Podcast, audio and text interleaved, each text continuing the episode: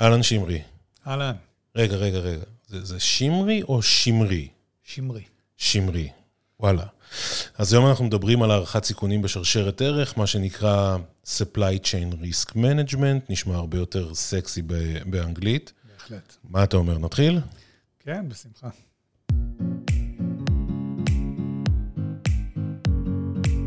TCP, הפודקאסט הרשמי של סיסקו ישראל. טכנולוגיה, חדשנות ומה שביניהם. אז זהו, פתחנו, מתחילים לדבר קצת סייבר security, והיום אנחנו מדברים עם אה, שמרי וכטר. אה, שהוא מנהל הפיתוח העסקי של אה, סיסקו בתחום הסייבר בכל אירופה, לא רק בישראל. 17 שנות ניסיון בתעשייה, גם באבטחה פיזית, גם באבטחת מידע, עבד גם בחברות אה, טכנולוגיה גדולות ומכובדות בכל התעשייה, והיום הוא פה איתנו בסיסקו. אז מה קורה, שמרי? הכל נפלא, הכל נפלא. כיף להיות פה איתך, חיים, ולשוחח קצת עם הקהל הישראלי, להציג את ה... האיומים הנוכחיים אה, על אה, תחום אבטחת המידע בארגוניהם, ויהיה מעניין. בטוח. טוב, תראה, אנחנו צריכים לדבר על נושא של אבטחת מידע, כי היום כל הלקוחות שלנו מתעסקים בזה, וגם כן, אה, למעשה, כל מי שנמצא בתעשייה הזו מאוד מודאג. בכל תחומי הסייבר, אנחנו בילינו שנה בבית בקורונה, אחר כך יצאנו, תודה לאל, עכשיו אנחנו כבר עם החיסונים, והשוק פתוח לחלוטין, אבל אנחנו חיים בעולם הדיגיטלי, ואנחנו ראינו בשנה הזו שאיומי הסייבר רק הלכו, הלכו, הלכו ועלו, במיוחד בארגונים, גם חלק בממשלות, שמענו על זה, היו התקפות. אז מה אתה חושב? כאילו, כשאנחנו מסתכלים על נושא הזה של הסייבר security, מה האיומים המרכזיים ביותר שארגונים היום מתמודדים איתם? אני חושב שרמת האיום עולה ועולה, בייחוד לאור העובדה שהיינו מעל שנה בבית. זה נתן אה, זמן נרחב מאוד לשוק התוקפים, נקרא לזה, למיניהם, אה, להיערך טוב יותר, להגיב טוב יותר אה, לארגונים אותם הם תוקפים, ולהיות בנויים בצורה הרבה יותר resilience, נקרא לזה, עמידה לאיתורם. מה שיצר בעיות רציניות מאוד בעולם שרשרת האספקה. אה, כלומר, כל הארגונים נאלצים, אה, בעקבות עבודותינו מרחוק, לעבוד עם אה, כמות אדירה של ספקים, צד שני, שלישי, רביעי, חמישי, שגם הם נעזרים בספקים למיניהם. אז רגע, בואו בוא נעשה סדר בעניינים. זאת אומרת, אנחנו כ, כמנהלים בארגון, או כל בן אדם שיש לו איזשהו תפקיד באבטחת מידע בארגון, בדרך כלל כשאתה מדבר על סייבר, אתה דואג להגן על התשתית שלך. זאת אומרת, אתה דואג להגן על העובדים, אתה דואג להגן על האפליקציות, אתה דואג להגן על הסביבה שלך, ועכשיו אתה בא לספר לנו שיש לנו עוד ערוצים נוספים שאנחנו, מה, לא שמנו לב אליהם? אז אני לא אומר שלא שמנו לב אליהם, אני בטוח שרוב מנהלי אבטחת המידע ואף המנכ"לים שמקשיבים לפודקאסט הנפלא שאנחנו עושים, מודעים לזה שיש להם ספקים. מה שהם פחות מודעים זה העובדה שהם צריכים לנהל אותם ברמה היומיומית מבחינת אבטחת המידע. זה אומר שהם צריכים להיות חלק מתוכנית ניהול הסיכונים של הארגון. אם אנחנו מסתכלים על ניסט 839, אם אנחנו מסתכלים בנוסף על ניסט 161 של supply chain risk management, הם ממש צריכים להיות כלולים במודעות של הבורד ושל המנכ"ל, מי הספקים שלו, איך הם מנוהלים, שיהיה לזה פוליסי ברור, איך הם פועלים בעצמם, מספקי התוכנה שלהם, אפילו ברמת, יש לך ספק מזגנים שמספק לך איזושהי מערכת ניהול, על מה היא בנויה, איך היא בנויה, איך היא מנוטרת. אז בוא, בוא נתחיל מההתחלה. דיברת על כל מיני ניסטים, אני חושב שלא כולם יודעים מה זה הדבר הזה, אבל לפני שאנחנו ניכנס לניסט וננסה להבין מה התקינה העולמית אומרת ומה ההמלצות אה, אה, הכתובות, בוא רגע אחד נפשט את העניינים. supply chain attacks ודברים כאלה. תן לנו איזשהו הסבר כללי בצורה שגם אנשים לא טכנולוגיים יבינו על מה מדובר. מה, מה זה הסיפור הזה? אז, אז אני אנסה להסביר uh, על ידי הצגה של, uh, בוא נגיד, מספר התקפות שהן די ידועות בתעשייה למי שמקשיב, ומאוד קל להסביר אותן גם למי שהוא לא.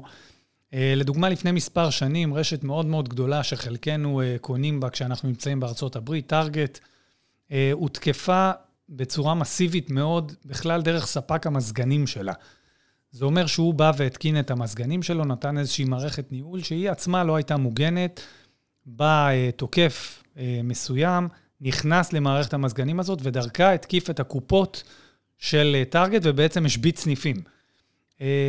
מה שבעצם יכול לקרות לכל אחד ואחד מה, מהחברות הגדולות בארץ, אני לא אנקוב בשמות, אבל חברות שמוכרות לנו כל מיני ריטייל למיניהם, זה יכול להיות ספקי תרופות, זה יכול להיות ספקי אוכל וכולי. גם להם יש מזגנים, גם להם יש כל מיני ספקי אוורור למיניהם וכולי, ספקי חשמל. דרך שם זה יכול להגיע, חברים. קל מאוד, כי זה בדרך כלל חברות שפחות משקיעות בטכנולוגיה ויותר משקיעות בלמכור, ו- וזה מגיע משם, מההופים מה- הפשוטים יותר. זאת אומרת, ממה שאתה אומר לי, אנחנו יכולים לצאת מידי הנחה שכמעט ואין ארגון היום בישראל שלא משתמש בספקיות צד שלישי. זאת אומרת, היום מן הסתם, אם אנחנו רוצים לחיות בעולם הדיגיטלי, בהכרח אנחנו שוכרים שירותים של ספקי טכנולוגיה נוספים, שמשמשים אותנו לצורך הביזנס הרגיל שלנו. דוגמה, החברה שמנפיקה לנו את החשבוניות, או מבצעת עבורנו את התשלום, או מנהלת עבורנו את המלאים. דברים כאלה. בהחלט, בהחלט. כל אחת ואחת מהחברות שעובדות איתנו היום היא ספקית טכנולוגית לחלוטין, מהסיבה שאנחנו רוצים ניהול מהיר, אנחנו רוצים את זה בפלאפון שלנו, כמנהלים, אנחנו רוצים לראות כל מיני דשבורדים למיניהם, לראות מה קורה כרגע בביצועים וכולי, איפה החשבוניות שלנו עומדות, ולכן כולם דיגיטליים לחלוטין. ואנחנו צריכים להכניס אותם לחלק ממערכת ניהול הסיכונים שלנו. אז הצורך הזה במיידיות הופך אותנו למעשה למכורים לא רק לפלאפון או לטלפון הנייד שלנו, אנחנו מכורים למדיום הדיגיטלי, אנחנו רוצים כל הזמן להיות מחוברים, אנחנו רוצים לראות מה קורה בתעשייה, או, או מה קורה בתוך החברה שלנו. והדבר הזה פותח אה, נתיבי התקפה פוטנציאליים להאקרים.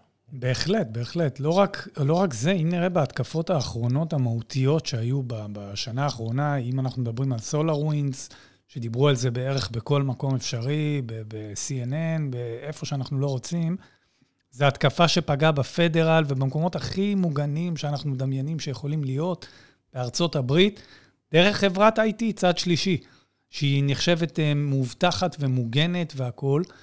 אה, ועוד התקפה שהייתה לאחרונה, שאני חושב שזה גם דלף מעולם ה-IT לעולם המוחשי, שהיה חסר דלק בארצות הברית. היה חסר דלק באזורים מסוימים, מחירי הדלק האמירו תוך מספר ימים, וזה בגלל שקולוניאל US Fuel Pipeline פשוט קרסה, אה, לאור התקפת סייבר, שגם מגיע מצד שלישי. אה, וזה, וזה משהו שאנחנו חייבים להגן עליו בצורה הרבה יותר מתודולוגית, וזה פנייה בכלל לרמות הנהלה בכירות. כי אם זה לא יבוא משם, רמות ההנהלה הזוטרות יותר פחות יכולות uh, לכפות על הספקים שלהם את הדבר הזה. זה, זה קטע מאוד מפחיד. זאת אומרת, uh, יש התקפות סייבר שבאמת המהות שלהם זה לנסות ולהוציא כסף מהארגון, או כל מיני נוזקות דיגיטליות, אבל פה במקרה הזה של הדלק, אתה אומר, התקפת סייבר, השפעה על החיי יום-יום שלנו, עלייה של מחירי... דלק, או זמינות של דלק בתחנות דלק באזורים שונים בארצות הברית. אני מאוד מקווה שבישראל זה לא יכול לקרות.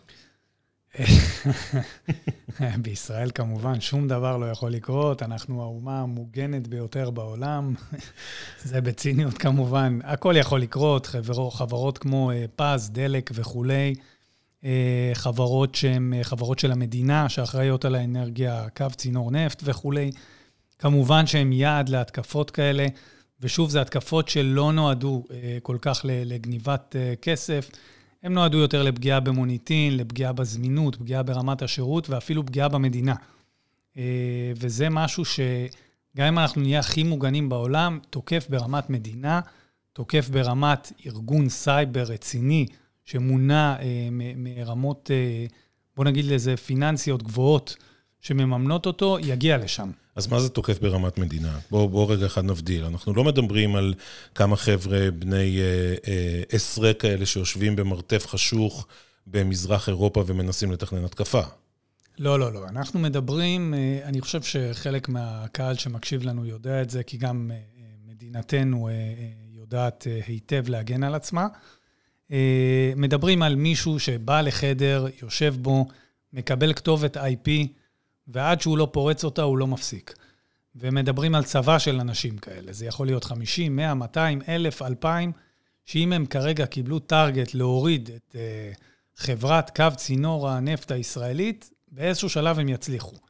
הם יחפשו את החולשה הכי, הכי גדולה שיש, הם יחפשו מי הספקים, מה הם מספקים, איך הם מוגנים, איך הם פתוחים לרשת, איפה הם פתוחים לרשת, איך אפשר להגיע אליהם, איך אפשר להשתיל בהם נוזקה, וקוראים לזה בעצם Advanced, uh, APT, uh, Advanced uh, Persistent Threat, בעצם איום שהוא גם uh, מוחשי, הוא גם מתמשך, והוא גם מכוון למטרה מאוד מאוד ספציפית. והם יגיעו אליה בסופו של דבר. הוקטור הזה של ה-Advanced Persistent Threat מאוד מעניין, כי, כי זה מתחבר גם כן לתרגות של אנשים. אנחנו תמיד אומרים שטכנולוגיה זה דבר נהדר, אבל כל עוד שיש לנו את המשאב האנושי בתוך התהליך, אה, תמיד מטרגטים אותנו. למה מטרגטים אותנו? למה אני מקבל כל כך הרבה ספאם מהבוקר עד הערב, וכל אחד מבקש ממני ללחוץ על לינק, או דרך ההודעת אס.אם.אס, או לאחרונה גם דרך וואטסאפים? אבל למה אנחנו הטארגט? למה אנחנו ממוקדים כאלה? כי, כי אני חושב שאנחנו בעצם, מהעומס הטכנולוגי שאנחנו חווים ברמה היומיומית, אה, ורובנו אה, לא אנשים שמתעסקים בטכנולוגיה ביום-יום, אנחנו מנהלים דברים, אנחנו עובדים עם המשפחה, אנחנו עובדים עם, עם חברים, אנחנו עובדים עם כל מיני דברים. אנחנו רוצים להגיע לסיפוקים מאוד מאוד מהר, ויש סיכוי מאוד גבוה שאנחנו נלחץ על הלינק הזה אם זה נראה מעניין, אם זה נראה שזכינו במשהו, או שיש לנו הנחה בשופרסל, או שיש לנו עכשיו הנחה בקנייה של אה, אה, בקבוק אה, נחמד שאנחנו אוהבים, או כל מיני דברים כאלה, או ספורט, או אירוע ספורט, או לא יודע מה. רוב הסיכויים שאנחנו נלחץ על הלינק, והתוקף בעצם יודע לאתר אותנו ברשתות החברתיות, לאתר מה מעניין אותנו, איך מעניין אותנו, איך אנחנו אוהבים לקבל את זה, מה אנחנו מעלים לרשת, ובעצם כך להגיע לחולשה היותר גדולה שלנו. זאת אומרת, טיפ ראשון שאנחנו נותנים לכל אחד שמאזין לנו, דבר ראשון, אל תלחצו על לינקים שאתם לא יודעים מה המקור בהחלט, שלהם. בהחלט. ואם אתם מקבלים בהודעת אס.אם.אס הודעה שזכיתם בפיס, כנראה... שלא זכיתם. כנראה שלא זכיתם, במיוחד אם לא מילאתם כרטיס לפני. אה, טוב, אז, אז אני כבר מתחיל להבין שכל הנושא הזה של סייבר security אה, הוא הרבה יותר מורכב ורב-ממדי. אה, בואו ננסה רגע אחד לחשוב CISO-אים שיושבים, CISO-אים, Chief Security, Chief Information Security Officer, על איך, איזה טיפים אנחנו יכולים להגיד או, או, או, או לתת לאנשים שנכנסים לתוך התפקיד הזה, או עובדים בתוך מחלקות אבטחת מידע של ארגונים בישראל? הכוונה היא פה אצלנו, כי אני חושב שגם כן אנחנו מושכים אש בצורה מאוד מיוחדת אה, אה, לעומת העולם כולו. אני מסכים בהחלט. אנחנו מושכים הרבה מאוד אש, אה, ואנחנו צריכים להתחיל לחשוב קצת אחרת.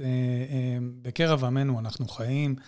החשיבה צריכה להיות פחות טכנולוגית פר סה, פחות להתעסק עכשיו באיזה קונטרולים יש לי, באיזה קונטרולים אין לי, איך אני סוגר את הפינה הזאת והזאת, יותר ברמה של הנהלה בכירה, לחשוב מה העסק עושה, ממה הוא עושה כסף, איך הוא מונע, מה התהליכים העסקיים, איפה האסטים הכי רציניים של הארגון, כולל אסטים שהם לא טכנולוגיים. זה יכול להיות בני אדם, זה יכול להיות אה, אה, רכבים מסוימים. אני יכול להגיד לך על שיחה מאוד מעניינת שהייתה לי עם גורם ממשלתי לאחרונה, שאמר לי, אני אגיד לך את האמת, וואלה, אני לא יודע אם האסטים הרציניים שלי מוגנים.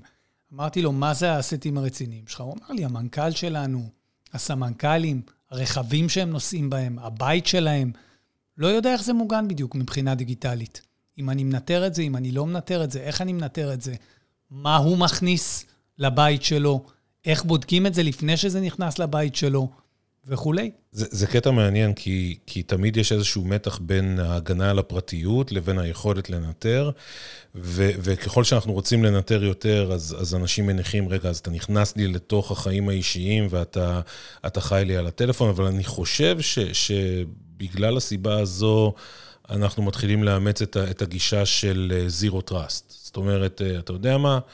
אני לא אכנס לך לחיים האישיים, אבל תכלס, אני לא סומך על שום דבר שאני רואה ברשת, עד שאני לא מאמת אותו בצורה חד-חד ערכית.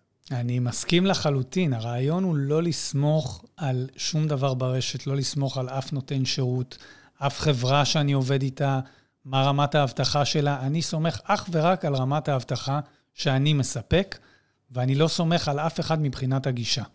אז היום, כשאנחנו מסתכלים על הנושא הזה של סייבר security, התחלנו לדבר על הנושא של ה-supply chain.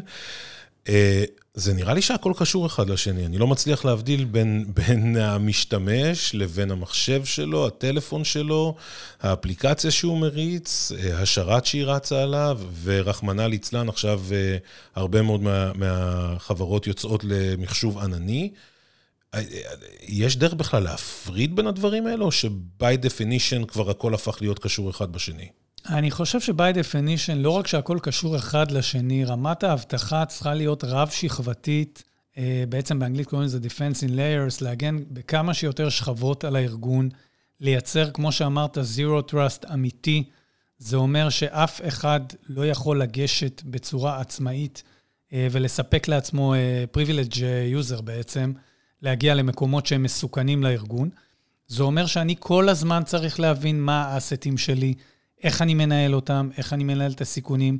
אני צריך לנהל את זה בצורה מתמשכת, עם שירותי business uh, continuity בעצם. זאת אומרת, שירותים שמאפשרים לי המשכיות עסקית אמיתית, כל הזמן, עם ייעוץ ועם הכוונה, ועם הבנה של איך העולם משתנה כל הזמן, כי זה קורה ברמה יומיומית. Uh, ואי אפשר להסתמך על זה שאני עושה סקר פעם בשנה, והנה עכשיו אני מוגן, וקניתי עכשיו... Uh, עוד uh, Web Application Firewall ועוד איזשהו Database Firewall, ועכשיו הכל בסדר. לא, זה לא עובד ככה. אנחנו צריכים להיות גמישים ומשתנים וזזים ולהשתמש בחברות שיודעות לספק שירותים מהסוג הזה. אז אני חייב לשאול אותך שאלה אחת. הרי, הרי בעברי, אני, אני גם הייתי CTO במגזר הפיננסי, ומכל מה שאתה מדבר, על כל מה שאתה מדבר עכשיו, אני, אני מאבד את זה ומכניס את זה לראש, וכל מה שאני שומע זה מורכבות על מורכבות על מורכבות. כי אני רוצה לייצר פרופיל security מסוים עבור משתמש או אפליקציה, אבל אני חייב שהוא יעבור לאורך ולרוחב השדרה הטכנולוגית שלי, ואני צריך שכל אחד ממנגנוני ההגנה יבין בדיוק מה הקודם או הבא אחריו עשה. זאת אומרת ש, ש, שאוטומציה, או בואו נגדיר את זה כ, כפרופיל רחב, הוא הופך להיות למשהו שהוא הכרחי. בתוך העולם המודרני של היום. מי שרוצה היום לקחת את הארגון שלו קדימה, או להריץ את האפליקציות שלו ולרוץ בסביבה מודרנית, חייב קודם כל שיהיה לו את היכולת הזאת לתת מה שנקרא פרופיל הוליסטי כולל על כלל התשתית הטכנולוגית. זה, זה, זה נכון? זה הכיוון? אז חיים, אתה בדיוק מוביל אותי לכיוון שאני רוצה אה, לדבר עליו, וזה בעצם יצירת תהליך של שלוש שכבות עיקריות. שמובילות אותך בדיוק למקום הזה שאתה לא צריך להיות תלוי בקינפוג ובמיליון אנשים עכשיו שישנו כל הזמן פרופילים ו... ו- ויהיה לך נורא ורע לנהל את זה. לא, הרי מיליון אנשים בתוך התהליך הזה זה טעויות על טעויות, וזה זה, זה אלף קריאות לתוך ההלפ דסק, ואנשים שמחכים חמישה ימים כדי שיאפשרו להם לגשת לאתר כדי להגיש את דוח ההוצאות שלהם. בדיוק. אז בשביל להימנע מהדבר הזה, ואני חייב לציין שרוב הארגונים, לא רק בארץ, בכלל בדרום אירופה, מרכז אירופה, עוד לא נמצאים שם, גם הארגונים הגדולים ביותר, יש תהליך של שלוש שכבות עיקריות. הראשון, בעצם זה לייצר visibility, נראות מלאה, רשת, data center, cloud, end user, נראות מלאה בזמן אמת של כל מה שקורה במקומות האלה. הדבר השני הוא לייצר automation. אחרי שיש לי את כל הנראות הזה, ו- וחברים, זה רק אחרי שיש לי את הנראות הזה, הזאת. אם אין לי אותה, אני לא יכול לייצר אוטומציה אמיתית. יהיה לי הרבה מאוד פערים. והשלב השלישי, שזה השלב שבדרים, בואו נגיד בחלום שלנו, אנחנו רוצים להיות בו, ולהגיע למצ'וריטי לבל הכי גבוה של הארגון, זה פרדיקטיביליטי. זה יכולת לנבא מה יקרה לי בעתיד, איזה מערכת תיפול, איך היא תיפול, איפה אני פגיע, איפה אני יכול להיות פגיע בעתיד, בצורה אוטומטית. וכל זה, זה, זה בעצם תהליך רב-שכבתי שצריך לייצר אותו מרמת ההנהלה, בתוכנית ניהול סיכונים מסודרת, ובתוכנית של, אה, אה, בואו נקרא לזה, גם טקטית, של לייצר את זה תהליך אחרי תהליך, ולא עכשיו אה, אה, לחכות אה, שנים שזה יקרה. אז בקיצור, אה, אני חושב שאני מתחיל להבין את התמונה בצורה קצת יותר ברורה. אני, אני רוצה, מה שנקרא, שאלה אחת לסיום, אה, לבקש ממך ככה, מתוך הניסיון שלך, ומתוך כל מה שדיברנו עכשיו, בוא ננסה לזקק את זה ל... לכמה מילים או טיפים למנכ"לים או לדירקטוריונים של חברות. אם אנחנו לוקחים את כל מה שאמרנו, מתכללים אותו ומנסים לבוא עם איזושהי תובנה אחת למישהו שעומד בראש הארגון. מן הסתם, המנכ"ל הוא לא איש סייבר סקיורטי, אבל, אבל הוא זה שקובע ונותן את המילה האחרונה. אז, אז בוא, כמה מילים לחבר'ה האלה שיושבים באמת אה, בעמדת הניווט ומובילים את הארגונים שלהם קדימה. אז אני אגיד כמה מילים שלדעתי מאוד מאוד חשובות להנהלות בחירות, ובייחוד למנכ"ל. אחד, תובילו, תובילו, תובילו, תובילו. קחו את האבטחת מידע, תכניסו את זה לישיבות הבורד, תבינו שזה לא חלק קטן, זה חלק מהותי בעסק שלכם. תמנו מישהו מאוד מאוד בכיר, יכול להיות ברמת הבורד, יכול להיות ברמת הסמנכ"לים הבכירים, שהוא אמון על, על הטריטוריה הזאת, הוא אמון על ניהול הסיכון ברמה שוטפת. תובילו את זה ברמת הספקים שלכם, ברמת אה, אה, נותני השירות שלכם, ברמת הלקוחות שלכם, תבהירו שזה חשוב, תסבירו, תדברו על המונח הזה. חשוב לכם אבטחת המידע, חשוב לכם הפרטיות. אתם רוצים לוודא שזה מתרחש ביום-יום, וזה יחלחל למטה. הארגון יפעל לפי זה, תייצרו פוליסיז, תקנים, נהלים מאוד מאוד ברורים איך הארגון צריך לפעול בהם, ומשם זה כבר יזרום ברמה הרבה יותר טובה. מדהים, מדהים. שמרי, נגמר לנו הזמן, מה עושים? לא יודע, מה, נגמר הזמן כל כך מהר? דווקא יש לי עוד הרבה על מה לדבר. ככה זה, אז אנחנו נצטרך להיפגש בעוד כמה פודקאסטים כאלה. אז אה, יאללה, נסיים. שמרי וכטר, מנהל פיתוח עסקי לתחום הסייבר באירופה של סיסקו. תודה רבה, היה כיף לארח אותך כאן, ויש לי הרגשה שאנחנו נדבר עוד בהמשך. חיים, היה אושר גדול, תודה רבה.